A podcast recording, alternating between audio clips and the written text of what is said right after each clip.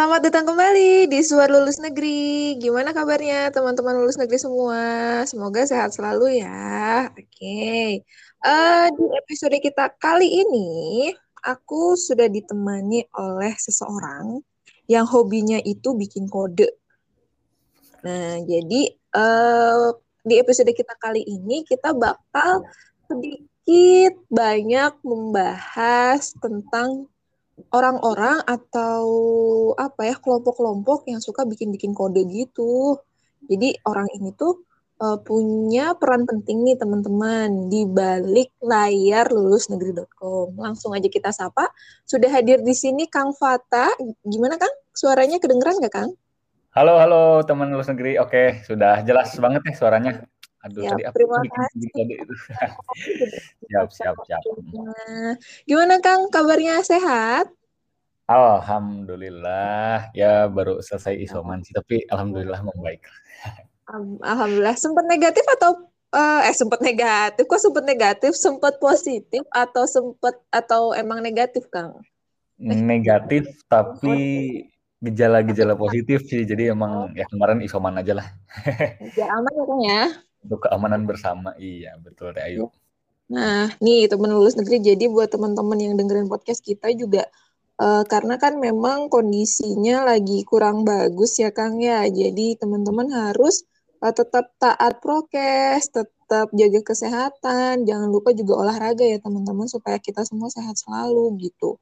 Nah, oke okay, Kang, kita lanjut aja nih. Boleh kenalan dulu nggak sih sebenarnya Kang Fata ini siapa? Kemudian kenapa sampai Kang Fata ini punya sesuatu peran yang penting banget nih di lulusnegeri.com. Silakan Kang, boleh biar teman-teman lulus negeri yang dengar bisa kenal. Oke, terima kasih Teh Ayu sudah intro. Uh, ya, teman-teman perkenalkan saya Fata. Saya dari jurusan Teknik Informatika dan di alumni di salah satu kuliah swasta di Bandung yaitu Universitas Komputer Indonesia.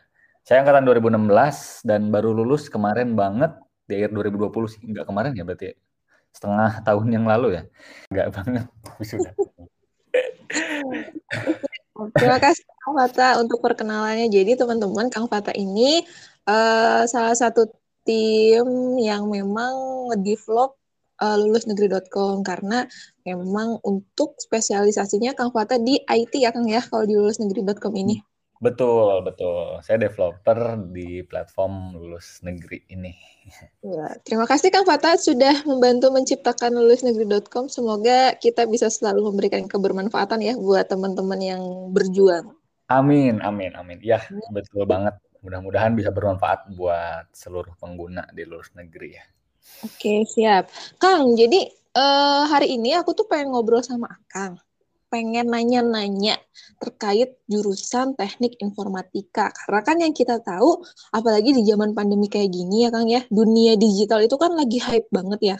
Mana hmm. tahu nih uh, teman-teman kita yang kelas 10 atau kelas 12 yang lagi preparation buat masuk ke PTN pengen nih masuk ke jurusan informatika. Jadi aku pengen sedikit ngobrol-ngobrol lebih jelas lagi nih tentang jurusan uh, teknik informatika ini. Nah, oh, yang banget, pertama yang aku pengen tahu, kenapa sih Kang Fata dulu waktu habis lulus sekolah ya, lulus SMA, hmm. milih mau masuk jurusan informatika? Oke, uh, sebetulnya waktu SMA dulu sih apa ya? Untuk proyeksi teknologi ini nggak nggak seperti sekarang gitu, nggak kan kalau sekarang kan jelas banget ya, udah hampir banyak perusahaan yang pada akhirnya beralih ke teknologi gitu. Kalau dulu sih aku berangkatnya memang karena udah hobi di bidang komputer sejak SMA dan ya diikutkan olimpiade juga waktu SMA gitu ya. Nah dari situ sebenarnya ingin memperdalam uh, dunia informatika itu seperti apa, karena ya waktu SMA kayak cuman belajar kulitnya doang atau bukan belajar malah baru tahu tahu kulitnya doang tapi ngerasa bahwa wah kita bisa menciptakan apa pun tapi dalam bentuk digital. Nah, itu sih yang yang saya hobi dari dulu. Jadi pas lulus SMA udah emang itu udah netepin banget saya pilih jurusannya informatika apa pun kampusnya gitu sih Teh Ayu. Jadi emang berangkat dari hobi banget dan berangkat dari keinginan sih dulu tuh. Keinginan ngulik ngulik yang digital digital itu kayak yang seru ini kayaknya kalau diperdalam nah itu sih alasan utamanya mas sebetulnya mas. Meskipun saya masih dulu juga masih abu-abu sebetulnya ke jurusan informatika ini, cuman baru kebayang dari kulitnya doang gitu. Hmm. Siap. Berangkatnya dari hobi ya Kang ya, suka dengan di dunia-dunia digital kayaknya menarik nih gitu. Oke, okay. Kang, boleh tahu nggak dulu waktu ini waktu ujian masuknya, Akang kan sebenarnya kalau misalkan dibilang sekarang eh kemarin itu kuliahnya di swasta ya Kang ya? Mm-hmm. Cobain buat ujian-ujian masuk ke perguruan tinggi negeri gitu nggak sih Kang? Nyobain juga, nyobain juga. Uh, saya ikut SBMPTN juga, undangan juga ikut. Cuman entah kenapa mungkin rezekinya saya emang harus jadi donatur di swasta ini. jadi ya cuman itu sih karena memang entah entah pilihan saya yang terlalu tinggi dengan basic saya yang masih kurang kah. Cuman karena kan apa ya dulu dulu waktu menentukan kuliah yang saya incar tuh jurusannya dulu jadi apa pun yang keterima itu saya ambil gitu. Yang penting jurusannya sesuai dengan saya yang saya inginkan sih. Gitu Tayu. Dulu sempat juga nyoba ke di saya pilihan pertamanya tetangga kampus saya sekarang gitu ITB cuman ya ternyata saya harus bertetangga aja sama ITB gitu nggak nggak jadi mahasiswanya kayak gitu sih Tayu Oke, okay. milihnya apa Kang? Stay berarti dulu. Ya, dulu dulu incarannya stay sih sebetulnya. Okay. Jadi sebenarnya prinsipnya Kang Fata ini uh, kuliahnya di mana pun nggak masalah, yang penting jurusannya itu sesuai dengan apa yang Kang Fata inginin gitu ya.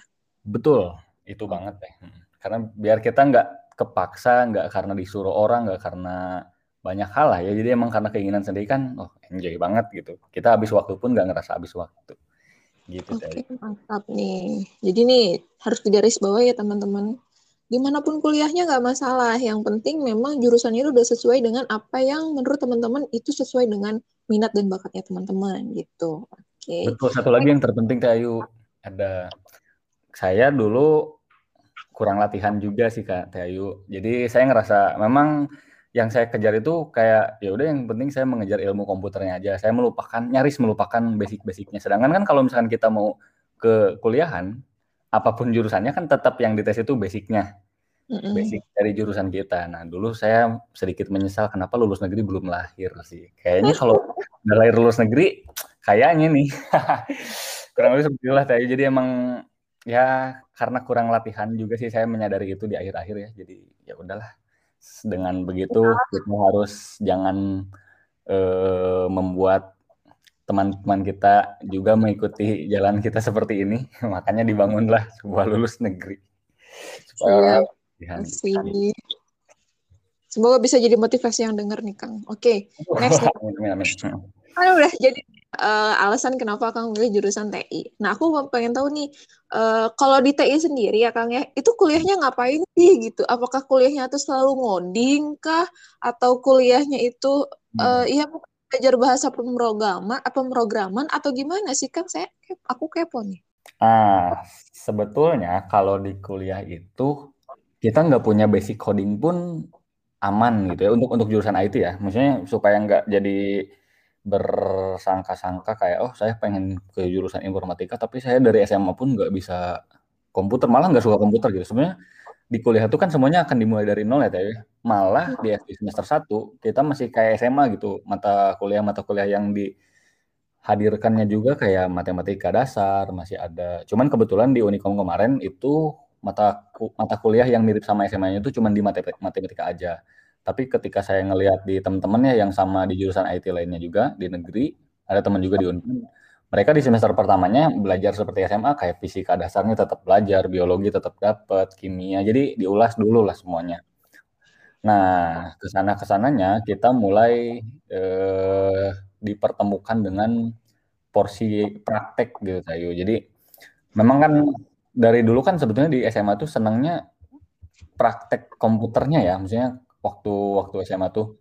Cuman ketika masuk kuliah kita emang nggak akan langsung disuguhkan itu. Jadi itu sih emang harus sedikit bersabar karena memang emang untuk menyam, uh, untuk bisa kita praktek komputer itu kita harus mempunyai modal kuat dulu dari segi fundamentalnya. Jadi emang pelajaran-pelajarannya di semester-semester awal nggak beda jauh dengan SMA, tapi makin ke sana makin ke sana kita akan makin sering bertemu dengan praktek-praktek.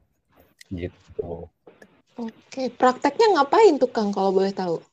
Nah, eh, di informatika juga sebetulnya kan luas ya, Tayu. Nggak cuman kita ngebikin aplikasi atau ngebikin website. Jadi pilihannya banyak juga. Kita bisa juga beralih ke perangkat keras atau hardware ya.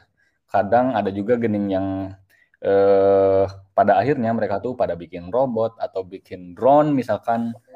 Nah itu sebab pilihan kita di informatika. Kamu mau memilih menjadi seorang pengembang software atau pengembang hardware. Nah karena kemarin saya memilih untuk fokus di software, jadi prakteknya lebih sering ke membuat platform atau ya kayak membuat aplikasi-aplikasi sederhana sih kalau di, di ranah perkuliahan mungkin ya sampai output akhirnya skripsinya ya berarti tentang software juga kita harus bisa menciptakan sebuah web atau apps yang sesuai dengan permasalahan yang kita ajukan gitu sih Ayu. Oke, jadi sebenarnya nanti ketika kuliah itu bakal ada spesifikasi lebih lanjut lagi ya Kang ya, apakah mau ke hardware kah, ataukah nanti ke apa ke softwarenya kah gitu ya. Jadi kalau misalnya mau ambil software, nanti ada lagi mungkin di dalamnya yang, yang lebih rinci lagi software itu kayak gimana gitu kali ya Kang ya. Betul, betul, betul, betul. Oke, siap. Nah, next Kang, Uh, aku pengen tahu nih, kan kalau misalkan lingkungan kuliahnya ya, kan kalau hmm. anak-anak kedokteran itu mereka sistem kuliahnya pakai sistem blok ya, setahu aku. Nah, hmm. kalau di informatika ini sistem perkuliahannya apakah blok ataukah ya udah ada tadi masing-masing apa tuh masing-masing mata kuliah rinci aja gitu misalkan basic tentang apa apa UI UX atau basic apa atau apa gitu-gitu kan mungkin Uh, kayaknya tetap sama ya sistem blok, cuman saya baru dengar ini sistem blok itu. Tapi yang saya tangkap sistem blok itu kayak kalau misalkan kita gagal di matkul ini, kita nggak bisa lanjut sebelum itu lulus gitu gak sih? Hmm, kurang lebih gitu sih dan biasanya ngeblok satu uh, misalkan tentang apa dulu gitu. Oh iya, oh iya betul betul betul berarti kurang uh, seperti itu karena memang kita pun kan nanti akan disuguhkan beberapa Eh, mata kuliah dasar yang mana kalau misalnya kita mau ngambil mata kuliah lanjutannya ya kalau yang dasarnya aja nggak lulus itu kita nggak bisa ngambil yang lanjutannya. Jadi emang sistem sistem belajarnya sih sama mungkin ya. Nggak ada nggak ada pengkhususan. Sebenarnya pengkhususan yang tadi kayak kita mau milih software atau hardware itu tuh lebih ke itu mah opsi kita aja mau fokus belajarnya atau fokus ngulik di luar jam kuliahnya mau ke hardware atau software. Kalau mata kuliahnya itu sebenarnya dikasih hardware dikasih software dikasih. Jadi kita nggak bisa milih mau ngambil yang ini aja atau ngambil yang software aja misalkan enggak hmm. tapi fokus belajar kita ketika di luar dari jam kuliah nah kita mau ke mana karena kan kalau dari segi mata kuliah mah yang penting kan kita lulus sampai bisa masuk ke mata kuliah yang lanjutannya tadi teh Oke, kalau misalkan skripsi berarti tadi balik lagi ke mana yang emang kita iniin ya, kita tekunin gitu atau kita dalemin gitu mungkin ya Kang ya? Betul, kalau skripsi ya memang itu. Jadi kan e, kalau di skripsi itu malah kita tuh jangan sampai kita mempelajari hal yang baru lagi gitu. Maksudnya kita tuh harusnya bisa mengulang apa yang udah kita pelajari dan apa yang udah kita bisa gitu. Jadi biar di skripsi itu kita fokusnya pada pemecahan masalah, bukan pemecahan ilmu-ilmu barunya itu. Gitu teh. Oke, siap. Nah, Kang, aku pengen tahu kalau misalkan di jurusan informatika nih, anaknya itu atau teman-teman Akang tuh pada ambis-ambis gitu nggak sih? Maksudnya persaingannya ketat banget nggak sih dari segi akademik? Atau kalau yang malas maya ada WT gitu? Atau yang yang rajin hmm. banget juga ada? Atau gimana, Kang? Kalau dari kompetitor mungkin ya, kompetitor di kelas gitu ya, sebetulnya nyari santai-santai serius sih kalau yang di kelas itu karena memang ya kan kalau di ranah kelas tujuan kita kan semua sama uh, untuk bisa lulus di mata kuliah itu kan. Nah, tapi kalau misalkan lingkungan di luar itu uh, dalam artian misalkan di kuliah IT itu sering banget nanti kita bakal bertemu dengan istilah proyekan. Proyekan itu ya itu benar-benar kita mengerjakan sesuatu atau membuat sesuatu di luar untuk tujuan kuliah gitu. Nah, biasanya anak IT itu mulai kelihatannya di sana. Ada yang memang ya di kuliahannya sebetulnya dia sama gitu e, dari segi apa ya temponya mungkin ya tempo belajarnya sama tapi ketika di luar kuliah ada yang memang udah move jauh banget gitu. Dia tuh udah bisa ngambil proyek yang lain atau dia udah ditawarin untuk kerjaan sama dosen. Nah seringnya gitu sih. Jadi ngelihat dari kompetitor di kuliah IT itu kelihatannya ketika di luar IT malah di luar kuliahnya.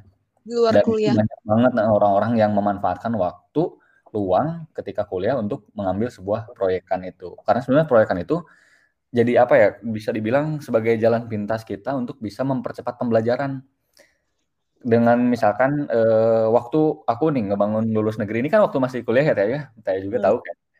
Uh, ketika aku ngebangun lulus negeri dengan tidak secara tidak langsung aku bisa mempelajari beberapa mata kuliah ke depan gitu. Karena itulah dengan dengan sebuah proyek kan proyek harus menjadi uh, sebuah uh, hal yang sangat utuh ya. Betul. Nah, si hal yang satu itu itu tuh sebetulnya itu berdasarkan mata kuliah-mata kuliah yang akan nanti kita dapatkan di kampus. Nah, kalau misalnya kita bisa memaksakan untuk ikut project, misalnya kita memaksakan belajar gitu ya, untuk karena tujuan sebuah project itu akan lebih cepat sih biasanya kayak gitu sih. Jadi dari kompetitornya memang bakal kelihatannya di luar kuliah sebetulnya. Hmm, jadi semakin banyak uh, di luar jam kuliah itu punya proyek kan atau punya kerjaan yang memang hubungannya itu kayak ngedevelop sesuatu ya maksudnya ngedevelop website atau bikin apps gitu itu akan semakin apa ya semakin mempermudah teman-teman yang ngambil jurusan ini ketika nanti misalkan ketemu mata kuliah berikutnya atau mungkin ketika menyelesaikan tugas akhir kali ya Kang ya Betul banget. Nah, ini juga sebenarnya nyambung ya tugas akhir kan eh, di skripsi kemarin ya. Saya juga hmm. kan sambil kerja ayo di salah ya. satu startup juga luar sekolah dan kebetulan saya skripsinya tentang luar sekolah juga gitu. Jadi memang kuliah kerja itu di IT akan menjadi hal yang lumrah gitu. Dan kalian bisa menyelesaikannya dengan bersamaan. Kerjanya beres, skripsinya tiba-tiba beres juga gitu. Karena kalian mengerjakan hal yang sama. Ilmunya dapat juga gitu. Jadi kayak gitu sih bisa bisa kita gabung-gabungkan kalau di IT itu enak. Oke, siap.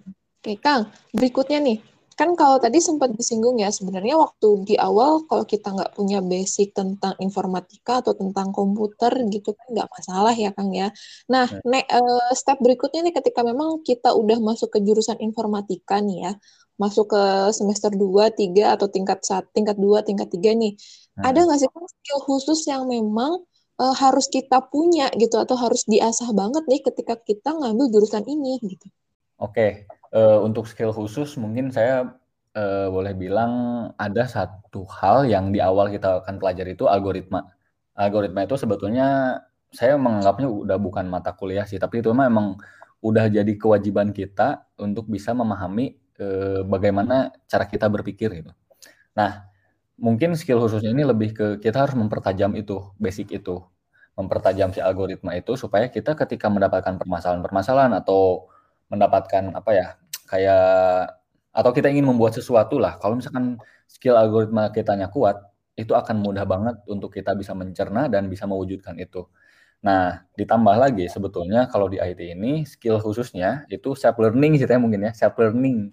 Jadi eh, kalau misalkan kita di kuliah IT mengandalkan dapat ilmu itu dari dosen aja misalkan, sedangkan kuliah itu kan beda sama SMA ya, kuliah itu nyaris lebih nyantai sebetulnya, waktunya lebih banyak banget. Saya pun kemarin seminggu kuliah cuman empat hari kalau nggak salah Senin sampai Kamis teh.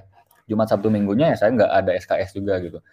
Nah kalau misalkan kita punya kesadaran akan self learning itu kita bisa mempelajari atau mengembangkan apa yang sudah kita ketahui di kelas menjadi untuk untuk menggapai sebuah ilmu baru itu nah itu sih bakal sangat berguna banget gitu untuk untuk di IT ini. Karena di IT ini perkembangan informasinya cepat banget. Kalau misalkan kita hanya mengandalkan di kelas tanpa kita improve di luar, itu bisa dibilang kita akan ketinggalan, terutama untuk kebutuhan industri ya. Jadi kalau aku, aku boleh bilang kalau misalkan di IT itu di kelasnya itu untuk mempelajari dasarnya aja sih teh. Nah, hmm. skill dasarnya itu tadi yang pertama algoritma dan skill keduanya ketika kita udah bisa algoritma ya kita harus punya rasa self learning yang tinggi gitu untuk bisa mengembangkan lebih jauh gitu sih deh. Oke, okay, berarti ada dua ya skill pentingnya itu pertama emang basic algoritmanya harus kuat ketika udah masuk ke jurusan ini tuh dan setelah kita memang menguasai algoritma yang aku tangkap ya berarti kita harus apa ya uh, harus punya kemauan gimana sih caranya bisa mengimprove lagi uh, kemampuan kita gitu ya kan ya. Okay. Betul betul banget betul banget. Nah, dengerin tuh ya teman lulus negeri. Nah, Kang, berikutnya kan tadi skill khususnya udah. Kemudian kalau prospek kerjanya nih Kang, yang yang Akang tahu atau yang memang sudah hmm. uh, sesuai dengan pengalaman teman-teman Akang gitu ya. Ini okay. di bidang apa sih Kang? Oke. Okay, selain uh, digital gitu ya. Selain apa nih? Selain di dunia digital. Oh oke. Okay. Sebetulnya prospek kerjanya juga banyak luas ya, lu, luas banget gitu ya. Eh, tapi memang rata-rata kalau informatika itu akan terjunnya ke dunia digital. Gitu. Apalagi untuk industri ya, industri yang memang saat ini apalagi dengan kondisi saat ini kan banyak banget industri-industri yang mereka mulai beralih ke teknologi gitu. Jadi nyaris wah di mana-mana sih dari sisi lowongan. Cuman dengan banyaknya lowongan kita juga akan banyak juga bertemu dengan kompetitor yang lain. Nah, tapi yang enaknya di IT mungkin ya, eh, sebetulnya kita ini kuliah kan bukan untuk bekerja juga. Eh, ada juga yang memang kita tuh kuliah pada akhirnya misalnya output dari kuliah ini kita tuh nggak cuma bisa bekerja untuk orang lain, tapi kita juga bisa bekerja untuk diri sendiri. Seperti apa? Seperti kita membuat produk. Kita bisa membuat produk sendiri dan kita menjualnya, menjual secara digital, itu pun sebetulnya bisa menjadi bidang pekerjaan dan malah malah bisa menjadi lapangan pekerjaan untuk orang lain gitu.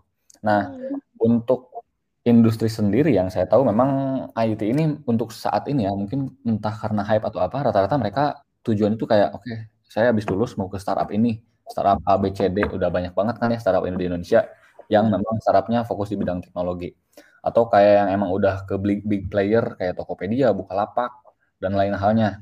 Nah itu juga prospek-prospek dari anak IT sendiri gitu. Dan itu tuh kadang-kadang teman-teman lulus dulu. Saya punya beberapa teman juga dan itu teman di Telkom. Mereka sambil kuliah tapi udah sambil kerja di Bukalapak. Ada yang memang intern juga di Tokopedia. Jadi memang itu sih yang bisa kita gapai gitu ya. Mungkin kita tak nggak harus nunggu lulus untuk bisa kerja kalau di IT malah uh, kalau teman-teman pengen tahu ijazah saya sampai saat ini saya belum pernah dipakai gitu jadi emang IT itu yang penting kita punya modal portfolio aja. Kita bisa memperbanyak pengalaman memperbanyak apa yang udah kita kerjakan terus kita dokumenkan bukti atau prasyarat untuk bisa kita melamar ke sebuah perusahaan atau ke lapangan pekerjaan. Gitu sih. Jadi emang kalau dibilang luas wah luas banget malah. Kita nggak bisa nyari kerja pun kita bisa bikin pekerjaan itu sendiri. Gitu Tayo wah menarik nih ya buat teman-teman yang dari jurusan ini. Oke Kang kalau kuliahnya ini berapa lama rata-rata teman-teman di jurusan teknik informatika? Uh, untuk kuliah? Uh-huh. ini jadi empat tahun. Ke 2020 dan karena memang kampus aku nggak support untuk uh, ngambil yang bisa mempercepat jenjang kuliah gitu. Tapi di beberapa kampus lainnya kayak kampus negeri tuh sebenarnya lebih bisa lebih enak. Kita bisa lebih cepat untuk bisa mempersingkat lama-lama waktu studi itu ada yang tiga setengah tahun juga ada. Gitu. Tapi yang standar biasanya empat tahun sih, seperti biasa. Asal jangan terlalu lebih lah. Oke. Okay. Kang Fata punya ini nggak sih punya pesan-pesan gitu buat teman-teman yang memang lagi udah ngincer nih pengen masuk ke jurusan nah. ini atau mungkin lagi preparation gitu buat masuk ke uh, ujian masuk ke perguruan tinggi tahun depan? Oke, uh, pesan khususnya apa ya? Sebetulnya saya ingin mengajak teman-teman untuk bersyukur ketika teman-teman uh, udah bisa menetapkan bahwa oke okay, saya mau masuk ke IT karena dengan kondisi saat ini kita sedang pandemi itu udah jelas banget kelihatan bahwa perusahaan-perusahaan atau teknologi ini sangat-sangat dibutuhkan untuk saat ini. Sebenarnya dengan hadirnya pandemi ini kan ini jadi mempercepat apa ya progres eh, orang-orang ngeh terhadap teknologi yang asalnya dulu Kominfo pernah menggadang-gadang itu di 2030 orang-orang baru akan uh, fokus di edukasi teknologi, edutech mungkinnya kayak sekolah online tuh baru fokus di sana. Tapi ketika pandemi muncul di 2020 kemarin itu sangat wah dipercepat mungkin 10, 10 tahun lebih cepat ya Nah, dengan begitu, eh, ketika teman-teman memutuskan untuk ke IT, itu teman-teman berarti udah siap untuk berkontribusi eh, membangun ekosistem IT di Indonesia. Jadi, eh, saya ingin mengajak teman-teman untuk bersyukur dulu karena teman-teman ada di jalan yang tepat. Nah, lalu eh, tips untuk di IT mungkin ya, teman-teman bisa dan teman-teman eh, bisa memulai sesuatu ini benar-benar tanpa modal berupa uang mungkin ya. Jadi kita benar-benar bisa bakal bakal bisa banget mulai eh, dengan modal ilmu yang kita punya. Gitu sih. Ayo, kita bakal bisa bebas banget berkarya dalam lingkup digital. Gitu. Mantap nih. Jadi teman-teman ada beberapa hal yang memang bisa kita ambil nih, kita hikmah dari ceritanya Kang Fata. Pertama, hmm, sebenarnya di mana pun pertama ya yang aku dapat, di mana pun kita kuliah itu nggak masalah. Yang penting memang itu sudah sesuai gitu kan, sesuai dengan minat dan bakat kita. Kemudian yang kedua, eh, kalau semisal memang teman-teman udah udah pengen di bidang itu tapi ngerasa nggak aduh saya nggak punya basicnya nih gitu atau saya nggak punya skill dasarnya nih nggak apa-apa karena itu bisa kita pelajari seiring berjalannya waktu gitu ya Kang ya dan terbukti ya awalnya juga mungkin kalau Kang Fatah dari hobi yang suka dengan dunia IT walaupun cuma tahu kulitnya doang ketika nanti eh ketika kemarin kuliah ya dapat ilmunya kemudian ya itu semakin di ini ya semakin di apa namanya semakin diasah mungkin ya Kang ya mm -hmm. dan yang berikutnya uh, ada beberapa uh, apa ya? Ada beberapa skill yang memang harus dikuasai itu yang mungkin bisa diterapin di semua jurusan itu yang aku dapat adalah self learning. Di mana pun teman-teman nanti kuliah, self learning ini emang penting banget gitu. Kita harus bisa improve nih apa yang udah kita dapat di dunia kuliah atau di di kelas gitu ya, mata kuliahnya. Ya kita harus bisa improve nih di luar itu gitu. Jadi supaya ya lebih lebih menguasai lagi gitu gitu. Oke. Okay. Uh, terima kasih Kang Fata untuk hari ini. Terima kasih juga untuk info-info yang mungkin uh, sedikit banyaknya bisa memberikan pencerahan buat teman-teman yang emang uh, pengen ngambil jurusan informatika. Semoga ke depannya uh, kita bisa ngobrol materi tentang yang lainnya ya Kang ya. Jadi nggak cuma ngomongin jurusan doang, mungkin ngobrol Betul, tentang siap banget, gitu. siap Terima kasih Kang Fata sudah mau berbagi cerita di episode kali ini. Buat teman-teman lulus negeri yang dengerin podcast kita kali ini, kalian boleh DM ke media sosial kita. Kira-kira mau bahas tentang jurusan apa lagi sih gitu ya. Aku tunggu ya. Dan terima kasih juga sudah mendengarkan podcast Suara Lulus Negeri kali ini. Sampai ketemu di episode Suara Lulus Negeri berikutnya. See you. We'll be right back.